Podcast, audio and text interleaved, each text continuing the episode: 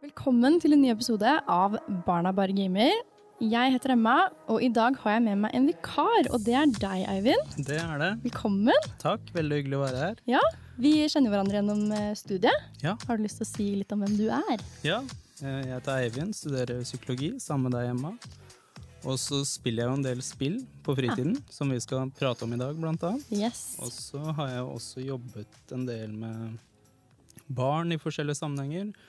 Eh, I barnehage, skole, som privatlærer, og nå som støttekontakt. da. Ja. Så litt forskjellig erfaring med barn, og litt ulike erfaring med spill i tillegg. Ikke sant?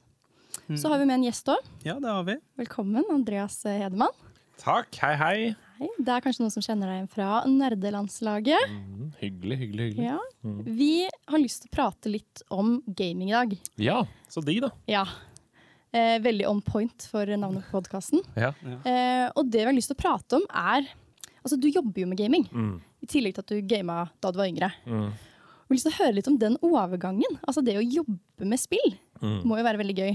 Men kan du ikke bare si litt først om eh, hvem du er, og hva du driver med? Det skal jeg absolutt gjøre. Jeg heter Andreas, som du så fint sa innledningsvis. Um, er fra Oslo uh, og har jobba hele livet uh, Ikke hele livet, for man begynner ikke å jobbe når man er barn, men jeg har jobba fra jeg begynte å jobbe, uh, med underholdning og media. Så jeg um, gikk rett fra Vesterålen og begynte å jobbe i NRK. Og så har jeg jobba med TV, podcast, reklame siden i forskjellige firmaer da, rundt omkring i denne bransjen her. Eh, både foran og bak eh, kamera, egentlig. Og så eh, har jeg hele livet vært en veldig ivrig gamer. Det har vært min klart største hobby ved siden av jobben. Um, og på, en, på forskjellig vis så greide jeg da å surre meg inn i en karriere inn i gamingverdenen også. Uh, og vi kommer sikkert litt tilbake til hvordan det skjedde, for det går jo veldig hånd i hånd med da denne podkasten Nerdelandslaget, som du uh, fortalte om innledningsvis. Ja. Men du sa at du studerte på Westerdals. Ja. Hvordan var det? Det var helt fantastisk. Um, da. Ja. Eh, Jeg kan ikke snakke for Westerdals nå, for jeg vet ikke hvordan den skolen er. Eh, Den er jo tatt over av um, Høgskolen Kristiania, eh, og mange av lærerne har slutta, og, og linjene ser ikke ut sånn som de gjorde da. Men da jeg gikk der, så var det et bitte lite bygg rett borti gata her på Fredensborg. Um, og vi var eh, 20 elever i klassen, og vi hadde det var som sagt bare veldig lite eh, hus, hvor det var masse kreativitet, og man fikk lov til å gjøre alt man ville. Um, og ingenting var feil. Um, Så det var en utrolig god start på en karriere innenfor tekstforfatteri og manusarbeid. Ja. Um, fordi man fikk lov til å prøve alle de tingene som man ikke får lov til å prøve når man begynner å jobbe. Høres veldig morsomt eh, studie. Det var kjempemorsomt. Og så var det nok ikke som et tradisjonelt studie, fordi jeg følte meg mye mer som en elev. Jeg jeg kom på skolen klokka åtte hver dag, hadde fast pult og gikk hjem klokka fire. på en måte. Så det var jo ikke sånn forelesninger og sånn. Altså det, vi hadde lærere som snakka til oss i forskjellige typer fag. Så jeg var jo elev og ikke student. Eh, mm, så det var knallhardt. Altså det var kjempe Vi satt oppe seint og jobba med frister og deadlines. Og læreren vår sa alltid sånn at um, det er kanskje det viktigste dere lærer her, at det toget det går, selv om du ikke er på perrongen. Så deadlines er endelige.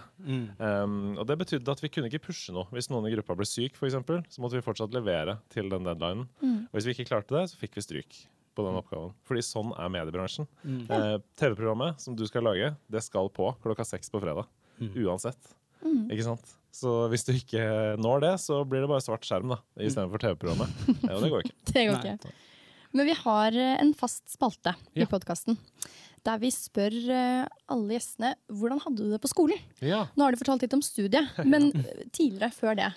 Åh, jeg hadde det så utrolig bra jeg, på skolen. Så. Um, både barneskolen og ungdomsskolen og videregående var helt fantastisk. Og så hadde jeg jo selvfølgelig um, mange erfaringer eh, som skjedde i løpet av livet. Jeg har f.eks. blitt mobba på barneskolen. um, og kjent på liksom det å være en del av et sosialt hierarki og sånne ting. Uh, og blitt på en måte korrigert av andre i klassen. Eh, og jeg tror Altså, Jeg var aldri noe mobbeoffer. Det var ikke sånn at jeg grudde meg til å gå på skolen. Um, sånn som andre som virkelig hadde det tøft, gjorde. Men jeg ble for eksempel uh, liksom, Jeg ble kalt ting i en periode, og så gikk det over, og så um, Og sånne ting. Men det må ikke få lov til å liksom, eh, prege min historie av skolen, for skolen var helt fantastisk. Virkelig, liksom. Jeg elska å gå på skolen. Jeg elska alle fagene. Det var så gøy å lære. Um, jeg synes det var gøy å spille fotball i friminuttene. Jeg synes det var gøy å leke harn med de andre. Jeg har på en måte alltid vært en sånn eh, sosial kameleon. Så jeg, jeg passer inn i mange um, gjenger, da. Ja. Ja. Så jeg likte like godt å spille fotball med de kule som å eh, spille eh, Tekken med de nerde. Eh, Ja. Og bare for å få det helt på det rene, så er jo da, som dere sikkert har skjønt, nerd og nerd en enorm hedersbetegnelse for meg. så det er ikke noe skjellsord i det hele tatt. Men ja, eh, så jeg tror det er kanskje å, å banne litt i kirken og si det, da, men jeg tror jo at alle At det er veldig viktig at man interagerer med hverandre som barn. Um, derfor har jeg vært veldig sånn bekymra for um, hjemmeskole og alt det som har foregått i pandemien. Fordi vi, eh, vi som mennesker vi vokser og utvikler oss av å korrigere hverandre. da. Eh, Av at du sier til meg sånn Oi, du har sennep på, på genseren. Da tenker jeg litt over det til neste gang, sånn at jeg ikke har sennep, sånn jeg prøver ikke å få sennep på genseren. Eller sånn eh, vi, Barn lærer seg å bli mennesker av å interagere med hverandre. Ja. Så det at jeg ble litt erta, eller at jeg liksom sto i det, og så fikk jeg litt ros og sånn, det tror jeg er, kan være litt sunt òg, da. Til en viss grad. Mm. Men du nevnte jo Tekken. Ja. Og ved det andre spørsmålet vil jo du kanskje få litt flashback til din egen podkast. Men hvor startet spilling for deg? Var det i skolen, eller var det før den tid? da? Tenk at jeg endelig får det spørsmålet. Jeg stiller det nesten i hver episode, og nå er det The tables have turned. Nå er det jeg som må svare. Du, eh, spilling for meg startet som passiv spiller. Eh, for jeg fikk aldri lov til å ha eh, TV-spill hjemme av mine foreldre.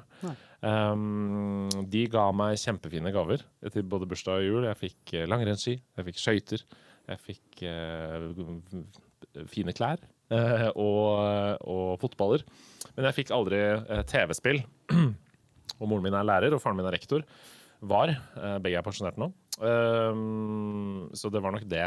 At de tenkte at uh, du skal være ute og leke og ha det gøy med vennene dine. og på den måten. Så spilling for meg begynte hos venner. Uh, jeg har helt siden jeg var uh, en neve stor, elska blinkende lys og teknologi og knapper og maskiner og sånne ting. Det beste jeg visste da jeg var liten, det var å være med mormor på Teknisk museum på Kjelsås Ja. og få lov til å trykke på alle tingene. Ja. Åh, for en drøm, liksom. Eh, jeg var til og med sånn at når mamma og pappa skulle på Ultra på Bryn og kjøpe på Bryn senter og kjøpe mat, så ville jeg være med, for der var det knapp jeg kunne trykke på. Med Litago-kua som sang sånn i, i, ku, i melkedisken. Så derfor så ville jeg være med bare for å trykke på den knappen. Eh, Så jeg har alltid elska sånne ting. Så da, det på en måte, da, da spillmediet åpnet seg for meg da, gjennom min venn Martin Hugo, som hadde alt Han hadde Nintendo, han hadde PC, han hadde alt som eh, en spillinteressert kunne elske, nei, ønske seg. Um, så var jeg passiv spiller. Jeg ble veldig god til å se på andre spille. Uh, se på Super Mario, se på Tekken, se på uh, fotballspill osv. Uh, Worms uh, og alle andre PC-spill. Inntil jeg på en måte til slutt fikk lov til å prøve selv. Da. Um, men da hadde jeg jo sett på alt de gjorde feil, så der kunne jeg gjøre alt riktig. Nei, så Det var der det begynte for meg. Um, og jeg fikk heller aldri spill før vi fikk en PC hjem. Um, så jeg var veldig mye hos venner, var nesten aldri hjemme, uh, og spilte veldig mye hos andre. Ja, jeg kan relatere veldig til det med passiv spilling. Mm. jeg, også, jeg spilte mye Sims i oppveksten. Eh, men det var jo minst like morsomt å bare se på at søstera mi spilte Sims. Mm. Og fortelle henne hvor hun skulle trykke. Slapp jeg liksom gjøre det selv. Det er en Eh, helt egen sjanger innen gaming. Ja, men i senere Eh, tid så ser jeg veldig mye gaming på YouTube. Mm. Jeg spiller nesten ingenting, men jeg ser veldig mye på spill på YouTube. Mm. Eh, og det tenker jeg at sånn er enda mer tabu enn gaming er igjen. da. Mm. For gaming begynner jo å bli eh, litt annerledes eh, sett på Mm. i samfunnet. Hvilke holdninger tenker du at fins til gaming i dag? Eller hvordan tror du gaming ligger an i dag? Jeg tror gaming eh, ligger bedre og bedre an uh, for hver uke som går. Um, men jeg tror fortsatt at det er veldig mange holdninger knyttet til den, det kulturuttrykket, som jeg mener at gaming er, eh, enn det er knyttet til andre kulturuttrykk, som f.eks. litteratur, TV, film, eh, musikk. Musikk? Ja. Eh, det er ingen som sier til deg at eh, fordi du er jente, så får du ikke høre på musikk, Mm. eksempel. Mm. eller fordi um, eh, Nå må du legge fra deg den boka. Slutt å lese, da. Det er skadelig for deg å lese mer enn fire timer om dagen. Høres absurd ut, når du sier det sånn. Men, men de eh, tingene er jo knytta til gaming. Um, dessverre så er det sånn at veldig mange eh, jenter og kvinner blir eh, det vi kaller for gatekeepet, da, eller holdt utenfor eh, gaming. Selv om det er ingenting som tyder på at jenter og kvinner syns gaming er noe mindre interessant enn gutter. Um, og dessverre er det sånn at veldig mange ser på det som skadelig. Um, ja. Og det kan det også være. Så det er bare uh, viktig å huske det. At uh, jeg sitter ikke og forherliger det opp i himmelen, på en måte. Og at alle må bare spille så mye de vil hele tiden. For det, det må man ikke. Um, men, men ja, jeg tror for å svare ordentlig på spørsmålet, så er det nok uh, de fordommene som går oftest igjen. At, det kan på en måte, at du kan bli spillavhengig. Eller at det er så voldsomme inntrykk som gjør at du kan bli skada for livet. Eller, eh, eller at du kan neglisjere andre deler av livet ditt da, fordi gaming tar over. på en måte. Og media har jo vært veldig flink eh, opp igjennom til å gi et, male et bilde av den typiske um, rollespilleren, f.eks. innenfor World of Warcraft, da, som bare murer seg inne og aldri ser sola og bare drikker energidrikk og, eh, og mister sine sosiale egenskaper og Ja. uh, og um, ikke har noe verdifullt liv utenfor spillverden. Da. Det, har, eh, det har vært en gjenganger i mange år da, i media. Eh, og så har man vært flink til å være en motbør mot det også. Men, eh, men ja, det er nok en grunn til det. At det først nå begynner å få fotfeste. Ja. Og apropos en motbør, så har vi jo nerdelandslaget. Eh, kan du ikke si kort om hva det er? Jo da, der lagde jeg en god overgang for meg selv, gitt. um, Nerdelandslaget begynte med at Stian eh, Blipp kom på jobb en dag og sa eh, 'Jeg har lyst til å lage podkast', eller hvordan han eh, snakker. Eh, og den skal handle om spill. Og så spurte han hvem er det jeg kan lage det sammen med, som er så supernerd, men som også på en måte kan produsere det. da, Som kan eh, stå for teknikken, som kan sørge for at det blir noe av. liksom. Og da så liksom bare de kollegaene hans på han og bare Du må snakke med Andreas. han er tidenes nerd. uh, og så skulle vi liksom sette oss i et rom og snakke sammen og finne ut av om dette kunne bli noe podkast. Og så etter ti minutter så satt vi bare og snakka om um, veldig nerdete ting uh, inni forskjellige spill. Uh, om karakterer, om eh, hva som var bedre enn det andre. og sånne ting Så endte det med at vi bare satt i timevis og snakka om det istedenfor å snakke om podkasten. Og da skjønte vi at dette måtte vi bare gjøre. Eh, og fellesnevneren for hans eh, idé og, og min tanke, da, det var at uh, nettopp det vi snakket om nå, det er mye stigma knyttet til uh, nerderi og spill og gaming. Um, og Derfor så var det liksom viktig for oss å ta det ut av uh, mørket og inn i lyset, og vise fram og snakke om det vi er mest glad i i hele verden, nemlig spillmediet, På en måte som ufarliggjorde det, da. Eh, og som kunne på en måte få folk til å forstå at wow, en nerd er jo ikke sånn og sånn. Um, er, de kommer i alle farger og fasonger og kjønn uh, og legninger. Um, og det er flere kjente mennesker enn du tror som bruker veldig mye av tiden sin på spillmediet. Um, og Derfor så var det viktig for oss å kalle det for nerdelandslaget, for vi ville at det skulle være noe du kunne trykke til brystet og si dette er jeg stolt av. Uh, jeg har lyst til å være spiller på dette laget, og vi er sterke sammen. Og her sitter ingen på benken, og alle er på banen. Og vi er et stort landslag av nerder. Yay! og så var det liksom håpet at um, eh, en gang i fremtiden så skulle det være helt greit å ta opp eh, Nintendo Switchen sin på trikken uten at folk ser rart på det. Um, det er liksom the end, end game. Ja, Er vi der allerede? Nei, det er vi Ikke. Det er vi ikke. Uh, men vi er på vei. Ja. Og vi tror absolutt at um, vi har vært med å bidra da, til at folk eh, ja, tør å stå fram uh, i middagsselskaper og, og sånn og si at vet du hva, uh, min hobby det er gaming. Og det bruker jeg masse tid på.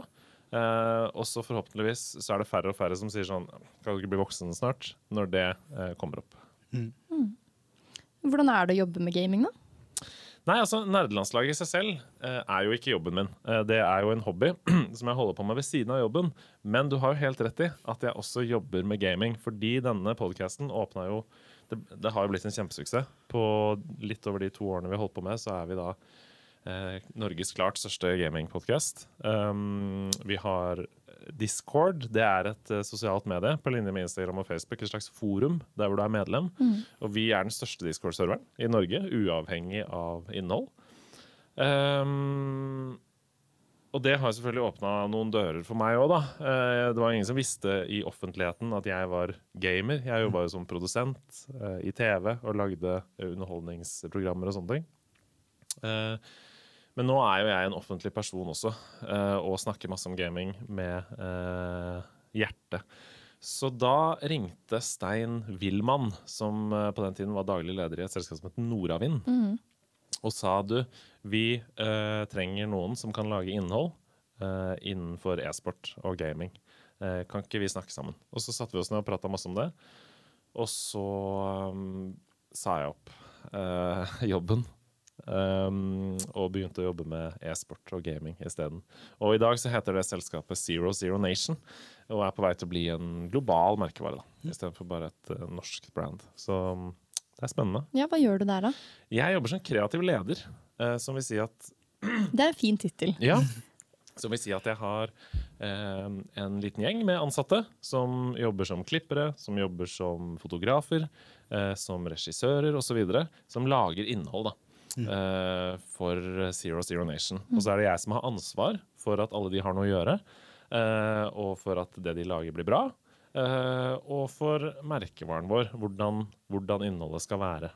Um, og det å jobbe med det i en e-sport-organisasjon, det er um, ingen dag er lik, kan du si. Fordi vi opererer jo i mange ulike spill med mange ulike spillere. Du kan nesten sammenligne det som å være ansvarlig for Vålinga eller Rosenborg. da sitt innhold i sosiale medier. Altså det som dere ser av videoer som kommer ut fra den klubben hver dag. Bare at i tillegg til fotball, så har du også ishockey, håndball, langrenn, slalåm og eh, kanskje eh, boccia Ja. i, tillegg, i tillegg. Så det er, det er mange ulike spill vi opererer i, med mange ulike stjerner som spiller de ulike spillene. Det er veldig kult. Det er ganske unge stjerner eh, også, da. Absolutt, med korte karrierer. Ja. Eh, for eh, når man når toppen i e-sport, det krever helt utrolig mye. Um, og det krever så mye at det nesten er vanskelig å motivere seg til å bli der. Em, ja.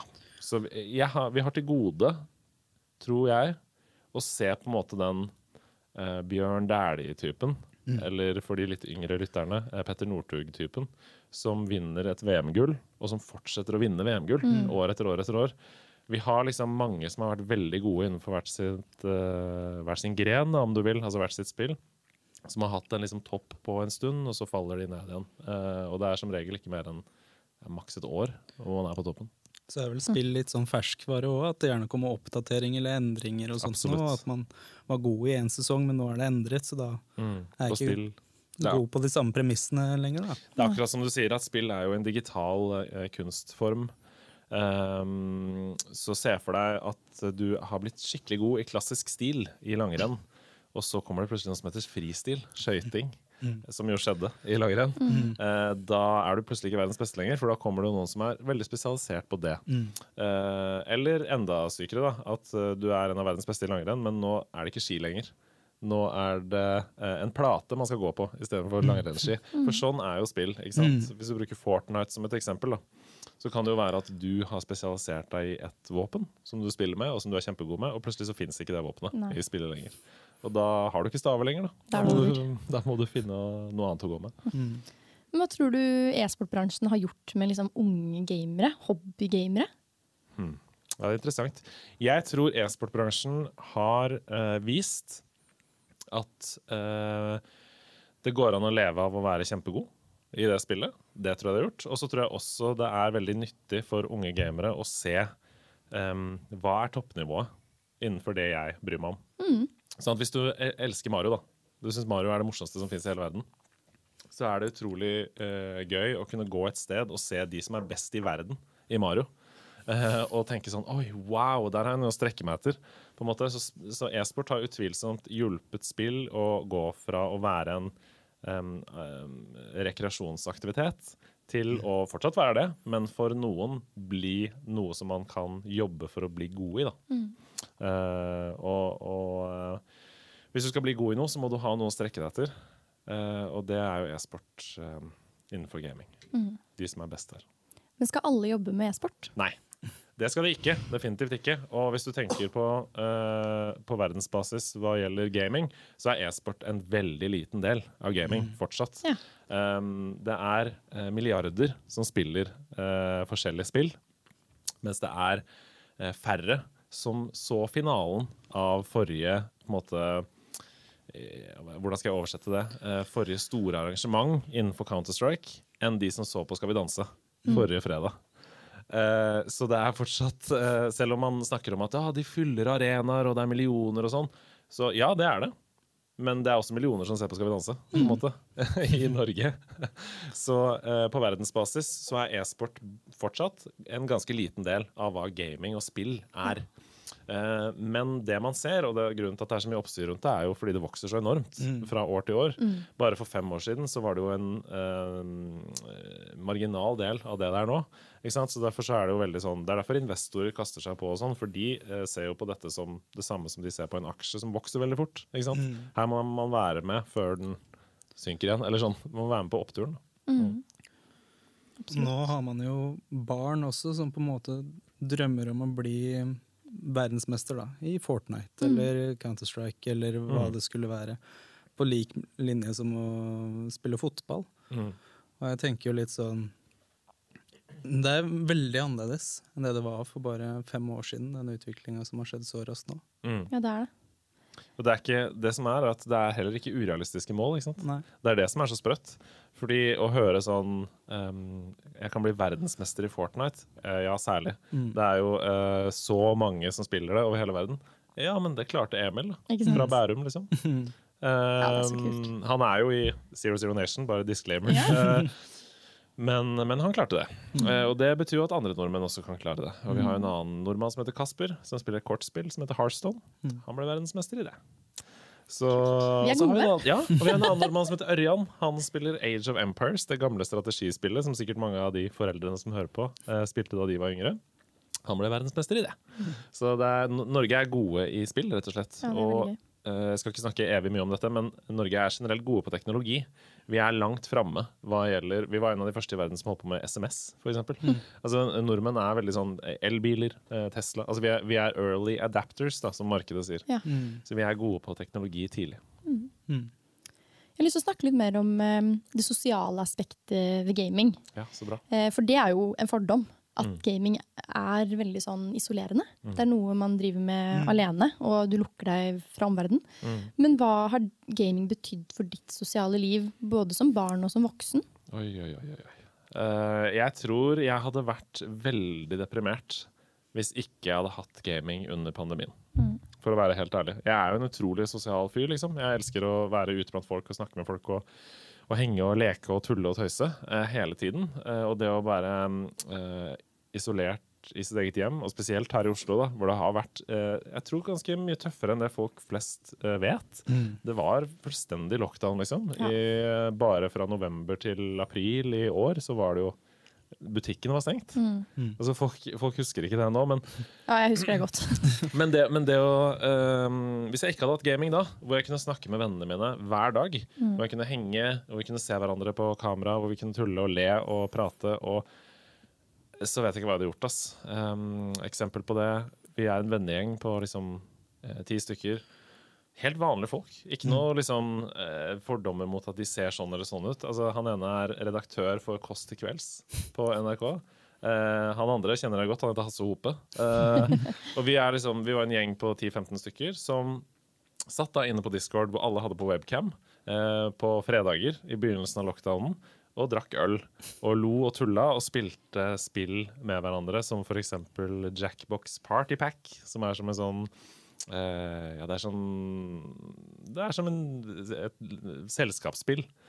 Eh, eller andre ting, da. Eh, og da så satt vi og liksom lo i hver våre stuer og så på hverandre. Og hæ, du klarte ikke det, og, eh, mens vi liksom ble litt fulle. Og, og det, det var som å være på fest. da. Og vi, ja, så jeg har ikke lidd under pandemien, sånn som mange andre har gjort. Og det takker jeg gaming for. Så skal jeg kort svare på gaming eh, som sosial plattform da jeg var liten også. For da var det jo veldig mye mer hjemme hos folk. ikke sant? Um, og det var utvilsomt en icebreaker. Alltid. Um, så det å komme hjem til noen, og så er det kanskje litt sånn rar stemning i begynnelsen, for man er ikke på skolen og man, det er liksom andre sosiale regler. Men det å da bare kunne skru på en Nintendo 64 eller en PlayStation, og så bare eh, samles om det, da, så tar det liksom to minutter, og så er alt der borte. Da er man bare venner som henger sammen og har det mm. kjempegøy. Mm. Um, så, så, spilling var utrolig viktig for det sosiale da jeg var liten også. Um, selv om det da ikke var online, men offline. Mm. mm. Jeg tenker jo sånn generelle interesser, altså min erfaring som støttekontakt for en som er veldig glad og interessert i spill, og også spillutvikling. Og ikke det at jeg er noe spillutviklerekspert, sånn sett, men bare at jeg har en interesse for det, har jo kunnet vært en sånn vei inn. da. Mm. Og jeg tenker bare det å vise at man er interessert, kan jo være utrolig verdifullt for foreldre som hører mm. på, og for barna. Og jeg er jo da litt nysgjerrig på hvilke tanker du har om det å vise interesse for spill uten å nødvendigvis mm. spille selv. Mm. Ah, det er så bra spørsmål. Jeg tror det er helt alfa og omega, det du sier der. Um, for uh, det var ingenting jeg selv uh, satte mer pris på som barn enn da moren og faren min spurte åssen det gikk på fotballtrening, eller uh, om jeg greide å score, eller nå var jeg keeper, da, så det var veldig rart hvis jeg scoret så mye. Men, men spurte oppriktig interessert da, om hva jeg um, hadde fått til.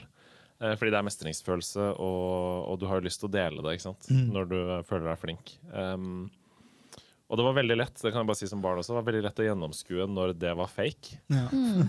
og når, når, det bare var sånn 'dette må jeg spørre om fordi jeg skal være en god forelder'. Ja. Og og noe man uh, oppriktig brydde seg om. da. Spesielt etter hvert som jeg ble ungdom.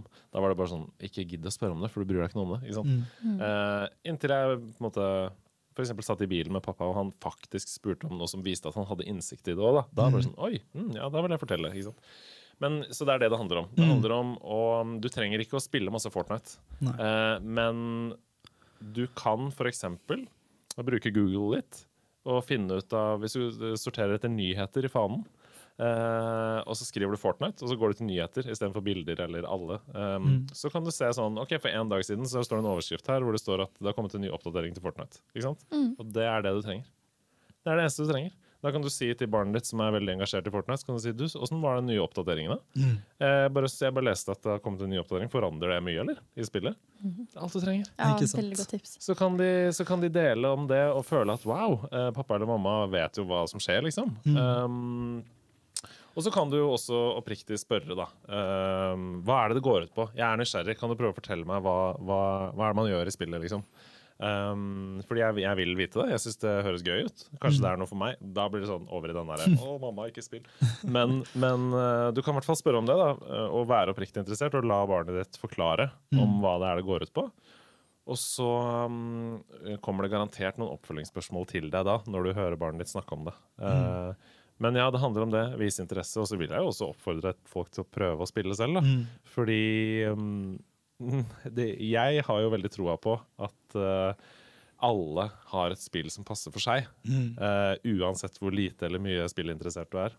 Uh, så hvis barnet ditt har lyst til å spille sammen med deg, så ta, si ja takk til den invitasjonen. Um, selv om du kanskje ikke er så kjempespillinteressert selv, så betyr det masse for han eller henne. Og eh, det kan være en døråpner for deg òg, mm. som forelder. har du noen tips til altså, konkrete spill foreldre kan prøve, som har lyst til å prøve seg mm. litt på spill, men ikke har spilt før? Ja, for det er jo gjerne sånn barriere med håndkontroller og det ene og det andre. Ja. Og, ja. Tror jeg. Det er veldig interessant, fordi um, i forrige episode av Nederlandslaget så hadde vi besøk av uh, generalsekretæren i Unicef, uh, Camilla Viken. Mm. Og hun hadde med seg en liste med spill som hun sa dette er spill som uh, du kan spille som forelder med barnet ditt. Men da bestemte vi oss for at vi skulle lage egne temaepisoder om det. Så vi har ikke fått lagd det ennå. um, men det, det, er mange, det, kommer, det kommer. Så hvis du har lyst til å, å få en grundigere innføring i dette, så kan jeg love at det kommer i nederlandslaget-feeden i løpet av høsten. Og de kommer til å være så tydelig labela som typ, uh, spill du kan spille med barna dine. Så det er bare å velge seg det. Mm. Men det kommer jo helt an på hva slags spill du liker. Mm. Foreldregenerasjonen, som jeg jo er en del av, eh, nå, altså i alder. Har jo sikkert vokst opp med Mario og sånn. Uh, og da klassisk, som kona mi sier, bortover Mario. Uh, som da betyr at du begynner på venstre side av skjermen og skal du gå til høyre når du kommer i mål. Uh, og da finnes det jo spill som Unravel, for eksempel. Ja. Unravel er et spill som er laget i Sverige. Og som handler om to Unravel 2, da, spesielt, bør du spille. Fordi det handler om to garnfigurer som må hjelpe hverandre til å klatre over steiner, komme seg videre fram. Så det å, um, og det er veldig enkle kontroller.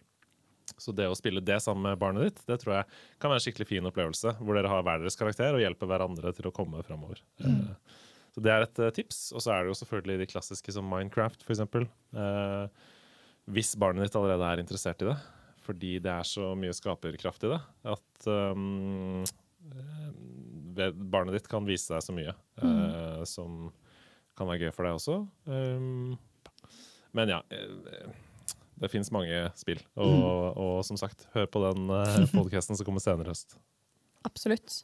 Eh, apropos Minecraft, vi har jo um, kodekurs mm. eh, der vi bruker Minecraft og Roblox til å lære bort eh, både Python og blokkprogrammering. Ja. Eh, og jeg tror foreldre syns det er ganske kult. altså. Eh, og det er veldig gøy å bruke spill i læring. Det ser vi mm. at barna digger. Mm. Men vi ser jo også at skolene er litt skeptiske ja. til å bruke spill. Ja. Det er noen som er uh, engasjerte og vil prøve, og så er det andre som syns det er veldig skummelt. Mm. Hvorfor tror du skolen syns spill er så skummelt? Nei, det er vel fordi det er den største konkurrenten. da. Spill er jo den største konkurrenten til skole. Fordi um, når du kommer hjem fra skolen og må gjøre lekser, så er det veldig forlokkende å isteden begynne å spille spill. Um, og ofte så uh, befinner begge tingene seg på skjerm, mm. på en data. Så det er veldig ja, for kort. skolen har jo blitt veldig digital. Ja, så det er veldig kort vei fra lekser til å starte et spill. Eh, det er mye lengre vei fra lekser til å spille fotball ute. Mm. For da må du jo kle på deg fotballsko og gå ut og ha fotball og møte venner og sånn. Men det å liksom lukke Word og åpne Minecraft, det er veldig kort vei. da. Ja. Så det skjønner jeg jo at de er skeptiske til. Um, og så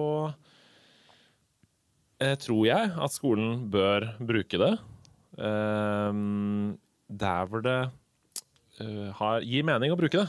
For det er uh, på ingen som helst måte alle fag det gir mening å bruke spill i. og jeg syns den forherligelsen av det, sånn spill skal løse alle problemene, også i utdanning, det er feil, rett og slett. Skole er kjempeviktig.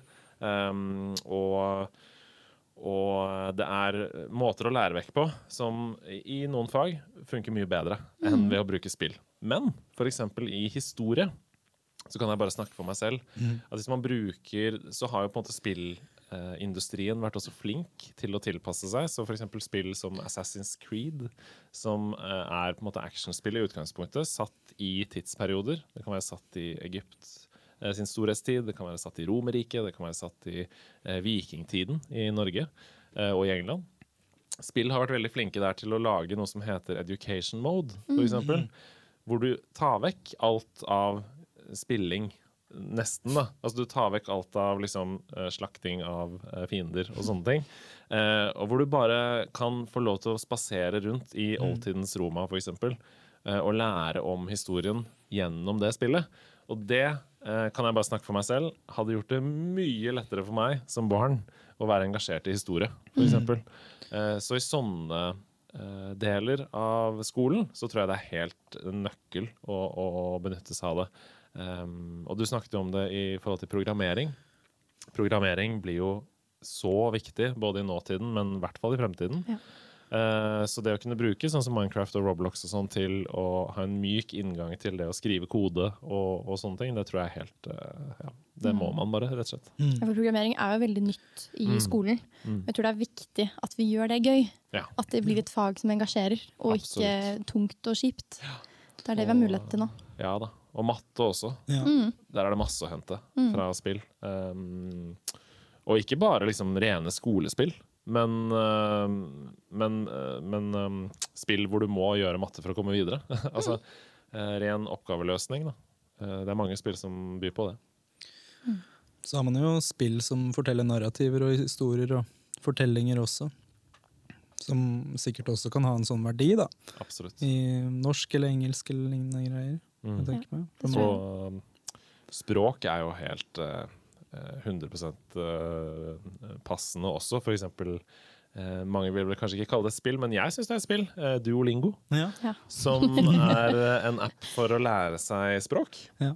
Det er i høyeste grad uh, tuftet på veldig mange av de samme tingene som spillmedia er tuftet på. Du får belønninger for å være flink. Uh, du får, uh, det er interaktivitet. Men det er språk som er motoren i spillet. da. Ja. Ja, Det er gamification. Absolutt. Mm. absolutt. Mm. Så uh, Duolingo er uh, for meg i hvert fall den klart beste måten å lære seg et språk på. Um, og har blitt, uh, gjort det veldig mye gøyere for meg. Da. Så første gang jeg dro til Polen, for eksempel, så brukte jeg Duolingo til å lære meg bare helt sånn um, komme seg rundt polsk. Da. Og det er jo grunnen til at jeg kan si i dag Jak narzna imeo Andreas. Ikke sant? Og det kan ikke vi si. Nei, det kan vi ikke. Men nå er vi litt inne på um, mestring. Ja. Um, jeg lurer på om du har noen opplevelser med, med mestring i spill? Oi. Opplevelser av mestringsfølelse. Hver dag. Ja. Hver dag opplever jeg mestring i spill. Um, det er alt Altså, spill er bygd på det. Det er kjernen i spillmediet. Det handler om mestring. Um, virkelig helt inn i, i spill som på en måte kun er laget for å være kunstverk. Eh, For det fins jo spill i alle mulige sjangere. Eh, Det fins også spill som på en måte bare oppleves som et digitalt museum, hvor du går rundt og opplever ting og sånn. Selv der så mestrer du jo ting. Fordi ved at karakteren din beveger seg framover, eh, så åpner den en ny opplevelse i spillet. Så det var du som aktivt gjorde det. Det var du som startet den triggeren, da, kan du si, for at f.eks. den sløyfen åpna seg, eller um, den gardinen gikk til side, eller Så uh, mestring bare ved å få spillet til å um, progressere videre, det er én form for mestring. Og så har du den andre formen for mestring, som handler om å være god, da. Og det mm, opplever jeg også eh, i alle spill jeg spiller. Um, og det å bli bedre. At du merker at du, hvis du f.eks. er et kompetitivt eh, spill eh, online, at du merker at du dør sjeldnere, eller du vinner oftere eh, enn du gjorde bare for en måned siden. Det er jo stor fremgang. Eller hvis du spiller Mario med eh, samboeren eller kona di eller barna dine, og merker at vet du hva, jeg klarte den banen. Nå kom jeg til mål. Da kan jeg ta neste bane. Så mestring er helt kjerne i alle spill, tror jeg. Mm. Um, vi var litt inne på i stad dette med gutter og jenter Ja. som gamer. Ja. Svaret er jo nei, men tenker du at gaming er en guttegreie? Nei, på ingen som helst måte. Og det er kjempeviktig for oss i nerdelandslaget eh, å jobbe mot det inntrykket av at gaming er en guttegreie. Fordi det gir helt uh, utrolig lite mening for meg at 50 av verdens befolkning skal utestenges fra et kulturuttrykk som jeg mener sitter på noen av de eh, sterkeste historiefortellingene jeg har opplevd. Da. Jeg jobber jo med historiefortelling eh, og har gjort det hele livet i arbeidskarrieren. Eh, og jeg gråter av spill. Jeg ler av spill. Um, og jeg lever meg så inn i det at etterpå så er det som på en måte Altså Det gir meg mye mer da enn en film noen gang kunne gjort. Selv om jeg får har fantastiske filmopplevelser også. Jeg elsker film. Jeg har til og med vært med i en filmpodkast, så det er ikke det. Men det er bare det at når jeg styrer spilleren, um, og, og spiller spillet selv, så får jeg helt uh, mye, mye sterkere opplevelser av historiene. Men det å utestenge 50% av befolkningen fra, fra å få lov til å oppleve det, det er for meg helt tullete. tullete. Um, og selv om vi ser at, at um, statistikk viser at um, Altså, ingen er jo like. Man kan på en måte ikke skjære alle spillere over én kam. Men de store massene, da, hvis man skal ta noen liksom, funn uh, i statistikken, så foretrekker jo jenter og kvinner én type spill uh, mer enn det gutter og menn foretrekker. Eh, liksom de grove linjene. Eh, og, og kvinner og jenter spiller oftere på mobil, f.eks., enn de spiller på PC eller eh, på konsoll. Det begynner jo å endre seg, det også. Um, men, men sånn er tendensen til det. Og det at uh, jenter uh, ikke tør å snakke online i World of Warcraft, f.eks., for eksempel, fordi de er redde for at de eh, ikke skal bli tatt seriøst. Um, de tør ikke å snakke i online skytespill fordi da tenker folk at oh, vi kommer til å tape ved en jente på laget. Eh, det er jo helt sjokkerende for meg, og helt um, eh, ja, hårreisende. Det kan ikke være sånn. En konkret historie om det er fra spillet som jeg nevnte i stad, World of Warcraft. Og i World of Warcraft så har du jo store sånne gjenger, hvor på en måte mange mennesker samler seg i en gjeng, da, og så er det et lag. Og, så, og så jobber man for at det laget skal eh, vokse. Og en av de liksom mest suksessrike sånne gjengene eh, da World of Warcraft var ganske nytt, var det en kvinne som var leder for. Eh, Og det var det ingen som visste. Eh, fordi hun hadde jo et nikk eh, som jeg ikke husker hva heter. Det var, si at hun het eh, eh, Ragnirator, for eksempel. ikke sant? Så det var ingen som visste hvem den ekte personen var det var. Men en eh, dag, liksom eh, mange måneder down the line, eh, så eh, snakket hun for første gang på, eh, til på måte denne gjengen sin. da og sto fram som kvinne og, og sånn. Og da eh, datt alt fra hverandre. Og, og den store gjengen ble oppløst, og ingen ville være der. Og, og sånne ting. Og det er jo holdninger som vi må jobbe veldig veldig hardt eh, for å bekjempe, syns jeg. Um, og en av måtene vi gjør det på, er at vi har en gyllen regel i nerdelandslaget om at minst hver tredje gjest skal være en kvinne. Eh, uansett. Fordi vi må lære opp uh, publikummet, og vi må vi må få fram i lyset at uh, dette er like vanlig for jenter som for gutter, selv om det kanskje er i en annen form noen ganger. Um, og så må man gi uh, den plassen til de kvinnelige stemmene som de fortjener. Da. Um, og det gjelder med alt. Altså det, representasjon generelt i kulturmediet er kjempeviktig. Fordi det vil alltid være noen som kjenner seg igjen og tenker ah, ja, der er det en som er som meg. Uh, og det er veldig viktig for at det skal vokse og bli um, ja, anerkjent. Da. Så å bekjempe de holdningene på den måten. Jeg tenker jo litt på Hvis man er jente på barneskolen, da, så ser man at alle gutta spiller, men så får man liksom ikke vært med i gjengen, eller Og jeg har jo ikke noe konkret løsning på hva man kan gjøre som forelder, men hva tenker vi, eller òg du, Andreas, om hva man kan gjøre hvis datteren din har lyst til å spille, Mm. men er redd fordi det er en guttegreie? da. Eh, du, jeg tenker at eh, ansvaret som regel ikke ligger på den som er utafor, men de som eh, sørger for at den personen er utafor. Ja. Der ligger som regel alltid ansvaret. Um, så jeg håper jo da at disse at man, etter hvert som man liksom snakker om det, viser det fram og eh, normaliserer det, så forsvinner jo de holdningene, sånn at guttene selv eh, inviterer jentene inn i, i sin verden når de spiller. Men eh, inntil vi er der, så er det jo vårt ansvar, eh, eller foreldrenes ansvar, da, de voksnes ansvar, for å sørge for at det skjer. Eh, og da må jo foreldrene snakke med hverandre. Eh, datteren min syns det er kjempegøy med spill, men det er ingen andre jenter i klassen som spiller, eller hun eh, tør ikke å si det. Og så si, det jeg tror, da, det er at det er veldig mange jenter i den klassen som spiller, men de bare tør ikke å si det til hverandre. Fordi de er redde for at uh, det skal liksom uh, ja, frimerke dem som en type person. Ja. Men det kan godt hende at det ikke er sånn lenger i det hele tatt. Jeg, Hvis du skal ha barn og medier-undersøkelsen som som ledesnor, så spiller jo nesten alle jenter. Ja. Uh, så det kan godt hende det ikke er sånn i det hele tatt. Men, men jeg mener i hvert fall at ansvaret ligger på de som uh, holder vedkommende utenfor. Ja. Eller uh, oss voksne, som kan da snakke med hverandre og sørge for at man får lov til å være med. Jeg håper og tror at unge jenter tør å ta plass da, i gamingverden. Eh, og vi ser jo at det er eh, flere og flere jenter som kommer på kodekurs, Mm. og gjerne har lyst til å, å være sammen. da. Så jeg tror jentene er flinke til å finne hverandre. Mm. andre jenter som gamer. Vi har jo masse jenter og kvinnelige lyttere i mm. nerdelandslaget. og vi er veldig stolte av det. Eh, og vi er veldig stolte av dem. Eh, og vi har, eh, jeg tror, en større prosentandel enn andre nerdete Unnskyld. Andre nerdete eh, fora på internett. Eh, veldig aktive jenter i Discord-serveren vår. Eh, og vi får stille, altså mange jenter som stiller spørsmål til oss, eh, som vi kan ta til gjestene, og sånne ting, og kvinner. Og vi har også mange kvinnelige gjester som snakker om gaming, og som har spilt hele livet. Så ehm, ja, det er vi veldig glad for. Ja. For jeg mener at samtalen blir utrolig mye mindre interessant med en gang det ikke alle stemmene får lov til å slippe til. Så ja, ekkokammer er jo bare helt useless, på en måte. Ehm, til slutt så har jeg lyst til å gå litt tilbake til nerd, for nå sa du det igjen. Ja. Det er jo et ord dere er veldig Jeg bruker mye da, og jeg er stolt av. Mm. Jeg tror det er vanskeligere for barn uh, å stå for å være nerd enn det er for voksne. Mm. Uh, at det fortsatt er et ord som er litt stigmatisert.